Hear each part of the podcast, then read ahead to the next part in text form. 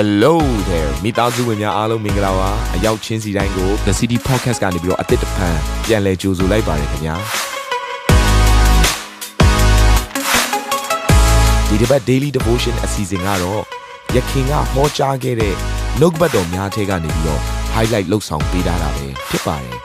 နာတော်တာစင်သူညီကောင်မောင်နှမများယနေ့နှုတ်ဘတ်တော်အားဖြင့်သင်ပြခြင်းအသေးရရှိပါမည်အကြောင်းကျွန်တော်ကနေဆုတောင်းလိုက်ပါတယ် အချက်လေး10ချက်နဲ့ကျွန်တော်စပြီးတော့ပြောချင်တယ်အဲ့ဒါကတော့ဂျူးလူမျိုးတွေဟာနော်သူတို့ရဲ့စီးပွားရေးလုပ်တဲ့အရာပေါ့နော်ဒီအရာလေးကျွန်တော်ကျွန်တော်ပြောချင်တယ်ဆိုတော့ဂျူးလူမျိုးတွေကကမ္ဘာလုံးနဲ့ပတ်သက်တဲ့စီးပွားရေးလုပ်ငန်းတွေမှာသူတို့ကနော်လွှမ်းမိုးမှုအများကြီးရှိတယ်ရန်ကုန်လုံးအများကြီးကိုသူတို့ထိန်းချုပ်ထားတယ်အတိုးတက်ဆုံးနိုင်ငံတစ်ခုဖြစ်တဲ့ အမေရိကန်နိုင်ငံရဲ့စီးပွားရေးလုပ်ငန်းတော်တော်များများဟာဂျူးလူမျိုးတွေရဲ့လက်ထဲမှာရှိတယ်။ဆိုတော့ဒီညပြောမှဆိုဂျူးလူမျိုးတို့ပြောတဲ့စီးပွားရေးဂျူးလူမျိုးတို့ပြောတဲ့ဆင်းရဲခြင်းလုံးဝမရှိဘူးဆိုတော့ချက်ချင်းတန်တန်သဘောပေါက်တယ်။ဂျူးလူမျိုးတို့ပြောရင်ဆင်းရဲလူမရှိဘူး။ဒီလိုမျိုးနားလေရလောက်အောင်သူကလူမျိုးတစ်မျိုးလုံးချမ်းသာတာဖြစ်တယ်။ဆိုတော့စီးပွားရေးအရန်လုပ်တတ်တယ်။သူတို့လုပ်တဲ့စီးပွားရေးလုပ်ငန်းအကုန်အောင်မြင်တယ်။ငွေရှာတတ်တယ်။ဆိုတော့သူတို့ကဘလို့ပုံစံနဲ့ဒီအစွမ်းတက်တီကြီးကသူတို့စီမှာရှိတာလေ။ကျမ်းစာမှာတော့ပြောထားပြီးသားဖြစ်ပါတယ်။စီးစိမ်ရတတ်သောအစွမ်းတက်တီကိုငါမင်းတို့ကိုပေးထားတာဖြစ်တယ်။ တော့ဒါဟာယုံကြည်သူတွေနဲ့ဆိုင်တယ်အသင်းတော်နဲ့လည်းဆိုင်တယ်အာမင်အသင်းတော်လို့ပြောပြီးခရိယန်လို့ပြောပြီးဆိုရင်ဆင်းရဲသားတရားမှမရှိဘူးဟာလေလုယာအဲ့ဒီအဆင့်ထိဘုရားကသွားစေခြင်းတယ်အာမင်ဆိုအဲ့လိုပြောလို့ကျွန်တော်တို့ဆင်းရဲသားတွေဖះကြောင့်လာမတရားဘူးလို့ပြောတာမဟုတ်ဘူး။သင်ဟာဆင်းရဲတဲ့အခြေအနေရှိကောင်းရှိမယ်ဒါပေမဲ့ဖះကအဲ့ဒီထဲကနေပြီးတော့သင်ကိုကြွယ်ဝသောအသက်တာကိုပို့ဆောင်ခြင်းနဲ့ဖះဖြစ်တယ်။အဲ့ဆင်းရဲတဲ့နေရာမှာပတ်ချလဲပြီးတော့ဆုံးရှုံးသောသူပြန်ဖြစ်စေခြင်းမို့အာမင်။ဒါကြောင့် ဘုရားသခင်ဆိုလာတဲ့ခါမှာအခြေအနေမျိုးမျိုးရှိနိုင်တယ်အားနည်းချက်မျိုးမျိုးရှိနိုင်တယ်ဒါပေမဲ့အဲ့အားနည်းချက်ဟာအမြဲတမ်းအတူတူဖြစ်ဖို့တော့ဘုရားလိုမရှိဘူးတရပိတရဘုရားကတိုးပွားစေခြင်းနဲ့ကောင်းစားစေခြင်းနဲ့ဆိုတော့အခုဂျူးလူမျိုးတွေစီးပွားရေးလုပ်တဲ့လျှို့ဝှက်ချက်၁၀ချက်လေးကျွန်တော်ပြောပြခြင်းတယ်နော်ကောင်းစင်လေးပေးပါဦးယာဆိုတော့နံပါတ်1ချက်ကဘာလဲဆိုတော့ကလေးငယ်တွေကိုဝင်ငွေရမယ့်နီလန်းတွေကိုသူတို့ကငငယ်ကလေးကသင်ကြားပေးတယ်ကျွန်တော်တို့အခုဆိုရင်ဘာလို့အကြောင်းလွှတ်လိုက်ပြီးပြီလို့ထင်တယ်ဖုံးပေးသုံးထားလိုက်ပြီးပြီလို့ထင်တယ် သူတို့ကဘာရည်ရွယ်ချက်ရှိရှိဘာတုံတင်လဲဆိုတော့သူတို့ကလေးတွေကိုငွေဘယ်လိုရှာမလဲငငယ်တွေကတင်တာအဲသူတို့ရဲ့ခံယူချက်တစ်ခုကဘာလဲဆိုတော့အကယ်၍ငွေမရှာတတ်ဘူးဆိုရင်သူတို့ဟာခိုးကြလိမ့်မယ်လူကြလိမ့်မယ်ငွေဘယ်လိုရှာရမလဲဆိုတာမသိဘူးဆိုရင်ဂျာနီလည်းမရှိတော့ဘူးလိမ့်မယ်လှဲ့မယ်ခိုးမယ်လူမယ်ချင်းငားမယ်ကြည့်နော်မဖြောင်းမတော့ဒီຢာတွေကပါလာမှာအဲ့တော့အဲ့ဒါတွေကိုသူတို့တာသမီးလည်းထမလုံးဝမဖြစ်စေချင်ဘူး အဲ့မကောင်းတဲ့ຢာတွေရောက်မလာဖို့အတွက်သူတို့သားသမီးတွေဟာငွေချေးကိုရှာဖွေတတ်အောင်ငငယ်ကလေးကငွေကိုဘယ်လိုရှာရမလဲဆိုတော့နီလန်းတွေကိုလေ့ကျင့်ပေးတယ်။ဝါဒါကြောင့်မို့ဒီကလေးငယ်တွေကိုလေ့ကျင့်တဲ့အရာမှာကျွန်တော်ပြောမယ်စီးစိမ်ကြွယ်ဝခြင်းနဲ့ပတ်သက်တဲ့အရာကိုအဲကြီးလိုက်ရင်အဆင်ပြေသွားမှာပါမလုံးနဲ့ငငယ်ကလေးကငွေရှာတတ်အောင်တင်မှာကျွန်တော်လည်းအဲ့အရာကိုနည်းနည်းလေးကျွန်တော်အိမ်မှာစူးစမ်းကြည့်တယ်အခုချိန်ကြီးတော့အိတ်ဆိုင်နေရတော့မယ်အခုချိန်ဒီကိုစီရပဲလာလာတောင်းနေတော့မယ်ကဲဟုတ်ပြီနံပါတ်1ချက် လှုပ်ဆောင်သမျှမှာသူတို့ကဂုံအသရေသူတို့ရဲ့နာမည်မပြတ်အောင်အဲ့ဒါကိုလှုပ်ဖို့ရန်သူတို့အမြဲသွန်သင်တယ်စီးပွားရေးလှုပ်တိုင်းမှာသူတို့ရဲ့အရေးကြီးဆုံးနံပါတ်1ရွေးချယ်မှုကငါတို့နာမည်ပြတ်လို့မရဘူးငါတို့ဂုံသရေမေးမိန်လို့မရဘူးဒါသူတို့ရဲ့အရေးကြီးဆုံးဖြစ်တယ်ဆိုတော့တရားမပြောမယ်ဆိုရင်သူတို့ဖြောင့်မတ်ခြင်းနဲ့ဆိုင်တဲ့အရာပေါ့လေနော်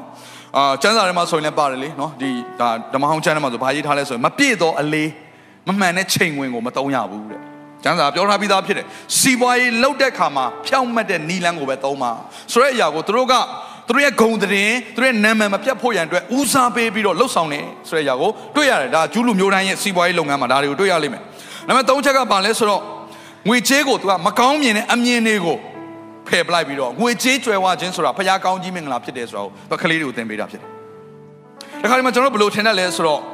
ကျမ်းစာထဲမှာပါတယ်မလားငွေကိုတက်မှတ်ခြင်းကမကောင်းသောအရာတွေရဲ့မူလအမြစ်ဖြစ်တယ်။ ဆိုတော့ဆက်ဆက်ပြီးတော့ဘယ်လိုစဉ်းစားလဲဆိုတော့ငွေဆိုရင်မကောင်းငွေဆိုရင်မကောင်းသူတို့အဲ့လိုလုံးဝမဟုတ်ဘူး။ငွေနဲ့ပတ်သက်တဲ့အခါမှာသူကလုံးဝမကောင်းတဲ့အတွေးခေါ်အားလုံးအကုန်လုံးဖယ်ပလိုက်တယ်။ငွေဟာလိုအပ်တယ်။ငွေအားဖြင့်တင်းရဲ့ community เนาะတင်းရဲ့အတိုင်းဝိုင်းကိုကောင်းကြီးပေးနိုင်တယ်မိသားစုကိုအတွက်ကောင်းကောင်းတည်ဆောက်ပေးနိုင်တယ်အိမ်ကိုကောင်းကောင်းဝယ်လို့ရတယ်မင်းတို့စီးစရာကားကိုဝယ်လို့ရမင်းတို့အကောင်းဆုံးပညာရေးတွေရှိလာနိုင်တယ်မင်းတို့အနာဂတ်တော့ကောင်းလူတွေများတစ်ကမ္ဘာလုံးကိုကူညီလို့ရစသဖြင့်တို့ကငွေနဲ့ပတ်သက်ရင်ကောင်းတဲ့အတွေးခေါ်တွေပဲထည့်ပေးတယ် အာမင်ဆက်ကျွန်တော်တို့ယုံကြည်သူတွေကလည်းဒီဒီဒီအလေးကျင့်လေးကိုနည်းနည်းနော်သဘောပေါက်ဖို့လိုတယ်ဟာဒါကြောင့်မို့အသင်းတော်မှာကျွန်တော်ပြောမယ်စီးပွားရေးလုပ်တဲ့ຢာတွေအားပေးဖို့အရန်ရေးကြည့်တယ်စုံဦးတိထွင်တဲ့ຢာတွေကိုအရန်အားပေးဖို့အရန်ရေးကြည့်တယ်။ဘာစုံတယောက်ကခါကျွယ်ဝလာပြီးလှုပ်ဆောင်လာပြီးငွေနဲ့ပတ်သက်ပြီးတော့ခါအချိန်ပေးလာပြီးဆိုအခါဒီမှာကျွန်တော်တို့အရန်ဝိညာဉ်ရဆန်သွားပြီးတော့ဟေးငွေကိုတက်မှတ်ချင်မကောင်းတော့ရတဲ့မူလားမြစ်ဖြစ်တယ်။အဲ့ဒါပဲတခါအဲ့ကျမ်းပိုက်ပဲလက်ညှိုးထိုးပြီးတော့မကောင်းမှုမကောင်းမှုဆိုတဲ့အတွေးခေါ်ထည့်ပေးတဲ့အခါမှာလူတွေဟာငွေနဲ့အသက်ရှင်ဖို့တော့မှငွေကြွယ်ဝခြင်းကိုတော့မှအပြစ်လို့မြင်သွားတတ်တယ် ဆိုအတွေးခေါ်ကဘာဖြစ်နေလဲဆိုဆင်းရဲနေတာဒါမှမဟုတ်အဲ့ဒီအတွေးခေါ်ကိုသူတို့ကဖဲတယ်ငွေနဲ့ပတ်သက်ရင်မကောင်းတဲ့အတွေးခေါ်အလုံးသူတို့ကလေးတွေဆိုတာမရှိရဘူးဒါကြောင့်မဂျူးလူမျိုးတွေအတွေးခေါ်ပါလဲဆိုတော့ငွေဟာကောင်းတယ်ငွေဟာကောင်းတယ်ငွေဟာကောင်းတယ်ငွေကိုရှာရမယ်ဒီငွေအပြင်ကတော့အများကြီးလုပ်လို့ရတယ်ဒီလိုပုံစံမျိုးသူတို့ကစဉ်းစားတာဒါပေမဲ့ငွေကိုတက်မှတ်ခြင်းတော့နောက်ထပ်ကိစ္စတစ်ခုဖြစ်တယ်โอเคငွေနဲ့ပတ်သက်တဲ့မကောင်းတဲ့မြင်တွေအားလုံးဖယ်ဖို့သူတို့စ조사တာဖြစ်တယ်အဲ့ငွေချေးကိုခံယူတတ်ဖို့အဲ့ငွေချေးကဖျားပေးတဲ့ကောင်းကြီးမင်္ဂလာဖြစ်တယ်ဒါကြောင့်ဖျားကောင်းကြီးမင်္ဂလာကိုကြိုဆိုတတ်ဖို့ဆိုတဲ့အဲ့ကြိုဆိုတတ်ခြင်းကိုသူတို့ကသွန်သင်ပေးတာဖြစ်တယ်နံပါတ်၄ချက် ဂျူးလူပြောတယ်သူတို့စီးပွားရေးလုပ်တဲ့ခါမှာဘယ်လိုပြောလဲဆိုတော့သူတို့ကငါတို့ရဲ့နော်ငါတို့စီးပွားရေးလုပ်တဲ့လူချင်းချင်းဖေးမနေတာဖြစ်တယ်ဆိုပြီးတော့သူတို့အမြဲတမ်းခံယူကြတယ်ဒါမှမဟုတ်စီးပွားရေးလုပ်တယ်ဒါမှမဟုတ်ငါဘေးနားမှာလာပြီးဆိုင်ဖွင့်တဲ့လူလုံးဝပျက်စီးသွားရမယ်အဲ့ဒီတွေးခေါ်မရှိဘူးအဲ့ဒါကမြန်မာပြည်မှာပဲရှိတယ်မြန်မာပြည်ကတော့နော်လုပ်ငန်းခွင်ထဲမှာတော့မှတခါနဲ့ယာရုမတက်လို့ဆိုပြီးတယောက်နဲ့တယောက်နင်းနေကြတာသူတို့အလုံးမလုံးကျူးလူမျိုးတွေက အလုံးမလုံးသူတို့ကဘာခံယူလဲဆိုတော့အခုငါရဲ့စီးပွားရေးလုပ်ငန်းငါဘေးနားကစီးပွားရေးလုပ်ငန်းကိုညီနေတာဖြစ်တယ်သူစီးပွားရေးလုပ်ငန်းကြောင့်ငါစီးပွားရေးလုပ်ငန်းလည်းတိုးတက်မယ်သူတို့အတွေးခေါ်အဲ့လိုသူတို့အချင်းချင်းအတွေးခေါ်အဲ့လိုဖြစ်တယ်။ဒါမှမဟုတ်တယောက်ကိုတယောက်ဖြိုဖျက်ဖို့မဟုတ်ဘူး။တယောက်ကိုတယောက်တိဆောက်ပေးဖို့ဆိုတဲ့ပုံစံနဲ့သူတို့ကချင်းကပ်ပြီးတော့သူတို့လှုပ်ဆောင်ကြတယ်။နံပါတ်5ချက်ကဘာလဲဆိုတော့သူတို့ရဲ့ဝင်ငွေအနည်းဆုံး10ရာခိုင်နှုန်းကိုသူတို့ကအလှူဒန်းပေးတယ်။အခုကျွန်တော်ယုံကြည်သူတွေအတွက်ဆိုရင်ပါလဲလား။10ဘို့တဘို့။ အဲ့တော့ကျွန်တော်တစ်ခေါက်ပြောပြပါတယ်။အသင်းတော်မှာလူအယောက်9ဒီ90ရာခိုင်နှုန်းကျွန်တော်တို့စီမှာလူ2000ရှိဆိုလူ1000က10ဘို့တဘို့မှန်နေဆိုရင်ဒီအသင်းတော်မှာရှိတဲ့ကလေးအားလုံးကို free education ပေးလို့ရတယ်။သူတို့ရဲ့ကျောင်းသားကတွေအကုန်လုံးကိုအသင်းတော်ကတာဝန်ယူပေးလို့ရတယ်သူတို့ရဲ့ကျမ်းမာရေးအားလုံးကို free ပေးလို့ရတယ်အနည်းဆုံး90ဖြစ်ရမယ်90အထက်80 80ဆိုတော့ဒါပြီးသွားပြီဒီအဲ့ဒီအသင်းတော်ဟာ နော်ဘာနဲ့သွားတူလဲဆိုတော့နိုင်ငံတနိုင်ငံတစ်ခါလဲနိုင်ငံတနိုင်ငံကပညာရေးတွေစီးပွားရေးတွေလုပ်နေတဲ့ပုံစံဖြစ်သွားပြီအသင်းတော်မှာဆယ်ဘောဘောသာမှန်နေဆိုရင်ဆိုတော့သူတို့ကဒီလိုပုံစံမျိုးနဲ့နော်လှုပ်ဆောင်တာဖြစ်တယ်အတိတ်ပဲပါလဲဆိုတော့မိမိရဲ့မိသားစုအတွက်ပဲမဟုတ်ဘူးတနိုင်ငံလုံးလူမျိုးတစ်မျိုးလုံးကောင်းစားဖို့အတွက်ဖြစ်တယ်။ဒါကြောင့်မလို့ငါတို့အတွက်ပဲငါငါအတွက်ပဲငါအတွက်ပဲမဟုတ်ဘူး။ငါကြွယ်ဝသမျှဆယ်ရာခိုင်နှုန်းဟာငါဘေးနားမှာရှိတဲ့လူတွေအတွက်ပြန်ပြီးသုံးရမယ်ဆိုအတွေးခေါ်ကိုငငယ်တဲကအမြဲတမ်းထည့်ပေးထားပြီးသားဖြစ်တယ်။ကဲနောက်ထပ်နံပါတ်6ချက်ကတော့အဲ့ဒါပါလဲဆိုအရန်ကြီးကြည့်တယ်။ အလုသမားအဖြစ်နေဖို့မဟုတ်ဘူး။အလုရှင်ဖြစ်လှုပ်ဖို့သူတို့ကသွန်သင်တယ်။အဲ့တော့ဘာဖြစ်လဲသူတို့ကစမ်းစာနဲ့အရန်ကြီးတယ်။အလုသမားအဖြစ်နေဖို့သူတို့အများဆုံး9နှစ်ပဲသူတို့ပေးထားတယ်။အဲကြောင့်မလို့အပြင်မှာအလုပ်လုပ်တာ9နှစ်ကျော်တော်သူများ။နောင်နာရကြပါ။အဲအဲ့လိုပြောလို့ဆရာပြောလို့ကျွန်တော်လှုပ်ထွက်လိုက်ပြီးတော့မလုပ်နဲ့နော်။ပြီးကျွန်တော်ခေါ်ပြီးကြွေးထားရအောင်မယ်။ ဆိုတော့တို့တတ်မှတ်ထားတဲ့ຢာလေးကကျန်းစာလည်းညဘာလို့ဘာကြောင့်လဲဆိုတော့ကျန်းစာထဲမှာကျတော့ကျွန်တယောက်ကိုဂျူးလူမျိုးတွေပဲကျွန်နေရှိတယ်တို့ကျွန်ကိုတို့ကဘယ်အထိပဲထားခွင့်ရှိဆို9နှစ်ပဲ9နှစ်ပြီးရင်ကျွန်အဖြစ်ကလှုပ်ကိုလှုပ်ရတယ်ကျွန်ဖြစ်ဆက်ထားလို့မရဘူးအကယ်၍အဲ့ကျွန်ကသူ့သခင်အရန်ကောင်းလို့သူ့မှာလည်းနေကြမရှိလို့နေခြင်းနဲ့ဆိုရင်သူ့ရဲ့နေရက်ကိုဖောက်လိုက်ရတယ် ဘာကြောင့်လဲဆိုတော့ဘာကိုပြောချင်တာလဲဆိုတော့ဒီကျွန်ဟာသူကခန့်တာမဟုတ်တော့ဘူးသူ့အလိုဆန္ဒနဲ့ဖျားအမှုကိုဆောင်ကျင်လို့သူ့အိမ်မှာလာနေတယ်ဆိုတဲ့အမှတ်အနေနဲ့သူကတကားမှာနေရက်ကိုကတ်ပြီးတော့အောက်ဖောက်လိုက်တာဖြစ်တယ်ကျမ်းစာထဲမှာပါတယ်ဒါကြောင့်မလို့သူတို့ကကျူးလူမျိုးတွေသူတို့ခလေးတွေကိုမဖြစ်မနေသူများစီမှာအလုပ်လုပ်ရမယ်ဝန်ထမ်းတွေနဲ့အလုပ်လုပ်ရမယ်ဆိုရင်ဇုံတယောက်ရဲ့အလုပ်ကိုလုပ်ပေးရမယ်ဆိုရင်လုပ်ပါဒါပေမဲ့အများဆုံး9နှစ်ပဲလုပ်ဒီနေ့မှပြောမယ်ဆိုရင်သူများအလုပ်ကိုကျွန်9နှစ်ပဲခံလို့ပြောချင်တာဖြစ်တယ်ကိုယ့်လုပ်ကိုကိုယ်လုပ်ရအောင် ဒါတုံတယ်ပြဒါကြောင့်မလို့ကျူးလူမျိုးတွေကကိုယ်ပိုင်လုပ်ငန်းတွေကြီးပဲအားလုံးကကိုယ်ပိုင်လုပ်ငန်းတွေကြီးပဲကဲနံပါတ်9ငွေကြေးနဲ့စီးပွားရေးမှာနော်သူကကိုယ့်ကိုပြုတ်စေလို့တဲ့အတိုင်းသူတို့ဘာနဲ့ပြုတ်တော့နှုတ်ကပတ်တော်အတိုင်းပဲသူတို့သွားတာပါဒါကြောင့်မလို့သူတို့ရဲ့စီးပွားရေး principle နီလန်းတွေကစန်းစာအတိုင်းပဲသွားတာဖြစ်တယ်ဆိုတော့ဘာပါလာလဲဆိုတော့ကိုယ်နဲ့ပြုတ်စေလို့များတိုင်းသူတို့ဘာနဲ့ပြုတ်တာတနည်းအားဖြင့်ပြောမယ်ဆိုရင်တော့ serve လုပ်တာပေါ့အစေခံတာပေါ့စိတ်ကျဉ်မှုပေးတာပေါ့အခုခေတ်စကားနဲ့ပြောမယ်ဆိုဝန်ဆောင်မှုအပြည့်အဝပေးတာပေါ့ ဝန်ဆောင်မှုအပြည့်အဝစိတ်ကျဉ်နဲ့ဆရာမယ်သူတို့နဲ့အလုပ်လုပ်ရင်ဒီလိုပုံစံနံပါတ်၈ကတော့ဘာလဲဆိုတော့အဲဒါလည်းအရေးကြီးတယ်ဒီထဲမှာငွေကြေးစုံတစ်ခုနဲ့စီးပွားရေးလုပ်တော်သူတွေငွေကြေးကိုသူတို့က၃ပုံခွဲတယ်ပထမတစ်ပုံကိုဘာအတွက်ထားလဲဆိုတော့သူတို့ရဲ့လက်ထဲမှာလဲပက်လို့ရအောင်ထားတယ်ဒုတိယတစ်ပုံကိုဘာထားတဲ့ဆိုရင်သူတို့ကမပြောင်းနိုင်တဲ့အိမ်ချမ်းမြေလုပ်ငန်းတွေထဲမှာသူတို့ရင်းနှီးမြှုပ်နှံတယ်နံပါတ်တတိယတစ်ခုကဘာလဲဆိုတော့အသစ်အသစ်သောအရာတွေကိုတီထွင်ဖန်တီးပြီးတော့စီးပွားရေးလုပ်ဖို့ရတော့အဲ့ညမှာ invest လုပ်တယ်ဆိုတော့အဲ့ဒီပုံစံနဲ့သူတို့ကငွေကြေးကိုလက်ပတ်တာဖြစ်တယ် ဆိုတော့အဲ့ထဲမှာဘာပါပြီးသားလဲဆိုတော့ငွေကြေးလက်ပတ်သုံးဆွဲတဲ့အရာပါပြီးသားဖြစ်တယ်နောက်တစ်ခုကငွေကြေးမှာပြောင်းမပြတ်စီးတဲ့လုံခြုံစိတ်ချခြင်းပါပြီးသားဖြစ်တယ်အဲ့ဒီထဲမှာဘာပါပြီးသားဆိုတော့တိုးပွားစေတဲ့နီလန်းတွေပါပြီးသားဖြစ်တယ်အဲ့ဒီငွေကြေးသုံးသုံးခုခွဲပြီးတော့သူတို့ဒါနီလန်းပေါင်းစုံနဲ့ invest လုပ်ကြတယ်အချုပ်လိုက်မယ်ဆိုရင်အစုသုံးစုတွေ့ရလိမ့်မယ်နံပါတ်6ချက်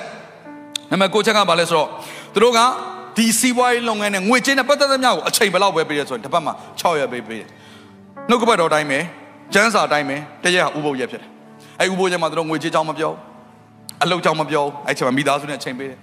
ဘုရားသခင်နဲ့အချိန်ယူတယ်ဝိညာဉ်ကိုခွန်အားပြည့်တယ်ခန္ဓာကိုနားတယ်ခွန်အားပြည့်တယ်အဲ့ဒီပုံစံနဲ့ပြန်ပြီးတော့နိုးထားလာတဲ့ချိန်မှာနောက်တရက်ရောက်တဲ့ချိန်မှာအတွေးခေါ်တစ်တယ်ညံညံတစ်တယ်ဟာတကယ်ချစ်ချင်းမြတ်တာအပြည့်နဲ့လမ်းဆက်မှုအပြည့်နဲ့သူတို့စနိုင်တယ်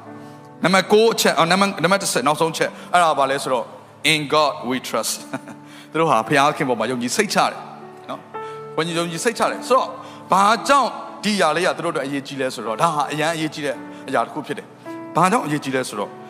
ဂျူးလူမျိုးတွေကသူတို့ဟာတစုံတစ်ခုသောအရာကိုတီထွင်ဖန်တီးလှုပ်ဆောင်စွန့်စားဖို့ရန်အတွက်မကြောက်တော့ဘူး။ဘာကြောင့်မကြောက်လဲဆိုတော့သူတို့ကငါတို့ဟာဖခင်ကိုစိတ်ချတယ်ဟာလေလုယာ။ဖခင်ကငါ့ကိုဘယ်တော့မှမစွန့်ဘူး။ငါတို့အမြဲကောင်းကြီးပေးမဲ့ဖခင်ဖြစ်တယ်။ငါတို့ကိုဘယ်တော့မှဆုံးရှုံးစေမှာမဟုတ်။အဲ့တော့သူတို့ဘာလဲဆိုတခုခုကိုလှုပ်တော့မယ်ဆိုတော့သူတို့မှကြောက်စိတ်မရှိဘူး။ကြောက်စိတ်မရှိဘူး။ဒါပေမဲ့ကျွန်တော်အဲ့ကြောက်စိတ်တွေကကျွန်တော်တို့ကိုချုပ်ထိန်ထားပြီးတော့ဘုရားခင်ကျွန်တော်တို့ပေးထားတဲ့အစွမ်းတတ္တိအသက်တာတွေမှာပေါ်မလာတော့ဘူး။ ဒါလို့ကြောက်တက်တဲ့ဒါဒါစီးပွားရေးလုပ်ငန်းထဲမှာလည်းဒီလိုပဲတွေ့ရပါတယ်နော်စွန်စားတတ်တဲ့လူတွေကပို့ပြီးတော့ကျွယ်ဝခြင်းနဲ့အောင်မြင်ခြင်းကိုသွားတွေ့ရပြီးတော့ကြောက်တတ်တဲ့လူတွေကဖြစ်ဖြစ်ခြင်းတွေတလိုင်းတလိုင်းအဲ့လိုသွားကြတာများတယ်ဆိုတော့သူတို့ကတော့ဂျူးလူမျိုးတွေထုံးစံစီးပွားရေးလုပ်တဲ့ခါမှာသူတို့ကကြောက်ရွံ့ခြင်းကိုဖယ်ထားတယ်ဘာကြောင့်လဲဆိုတော့ဖယားငါလှုပ်သမျှကောင်းကြီးပေးမယ်သူအဲ့လိုယုံကြည်ချက်ရှိတာဆိုတော့ဒီဟာကျွန်တော်ပြောမယ်ဒါကတော့ဂျူးလူမျိုးတွေနဲ့သက်ဆိုင်တဲ့သူတို့ရဲ့နီလန်းဖြစ်တယ်သူတို့ရဲ့စီးပွားရေးလုပ်တဲ့ secret ဖြစ်တယ်သို့တော်လည်းပဲဒါဟာအခုတော့နှုတ်ကပတ်တော်ကြောင့်ကျွန်တော်တို့အတွက် secret မဟုတ်ပါဘူး နှုတ်ကပတ်တော်ထဲမှာဒီຢာတွေအကုန်ပါပြီးသားဖြစ်တယ်အကြောင်းဘုရားရှင်နိုင်ငံတော်တလက်ကိုအသက်တာထဲမှာကျင့်သုံးရအောင်အာမင်ဒီအစီအစဉ်လေးအပြင်တင်းရဲ့အသက်တာမှာကောင်းကြီးဖြစ်မယ်ဆိုတာကိုကျွန်တော်ယုံကြည်ပါတယ်ဗီဒီယိုကြည့်ပြီးခံယူလို့ဒီများအတွက်အပတ်စဉ်တရားဟောခြင်းများ Bible Study ကြီးမွန်ကိုးကွယ်ခြင်းနဲ့အခြားသောအကြောင်းအရာတွေဟာတင်းအတွက်အဆင်ပြေရှိနေပါတယ် YouTube မှာ The City Space TV လို့ရိုက်ထည့်လိုက်တဲ့အခါကျွန်တော်တို့ကိုတွေ့ရှိမှာဖြစ်ပါတယ် Subscribe လုပ်ခြင်းအပြင်တင်းနဲ့ထက်ချက်မကွာအမြင်ရှိနေပါပါ ဒါအပြင် Facebook မှာလည်း The City ရန်ကုန်လို့ရိုက်ထည့်လိုက်တဲ့အခါတည်င်းအချက်အလက်နဲ့ poster တွေကိုအချိန်နဲ့တပြေးညီတွေ့ရှိအောင်မှာဖြစ်ပါတယ်ခင်ဗျာ The City Podcast ကိုနားထောင်ကြတိုင်းဖျားသခင်ရဲ့ထူကြသောဖွင့်ပြချက်နဲ့ကောင်းကြီးမင်္ဂလာများခံစားမိကြောင်းကျွန်တော်ဆုတောင်းရင်ဒီ season လေးကိုဒီမှာပဲညံ့နာပါရစေခင်ဗျာ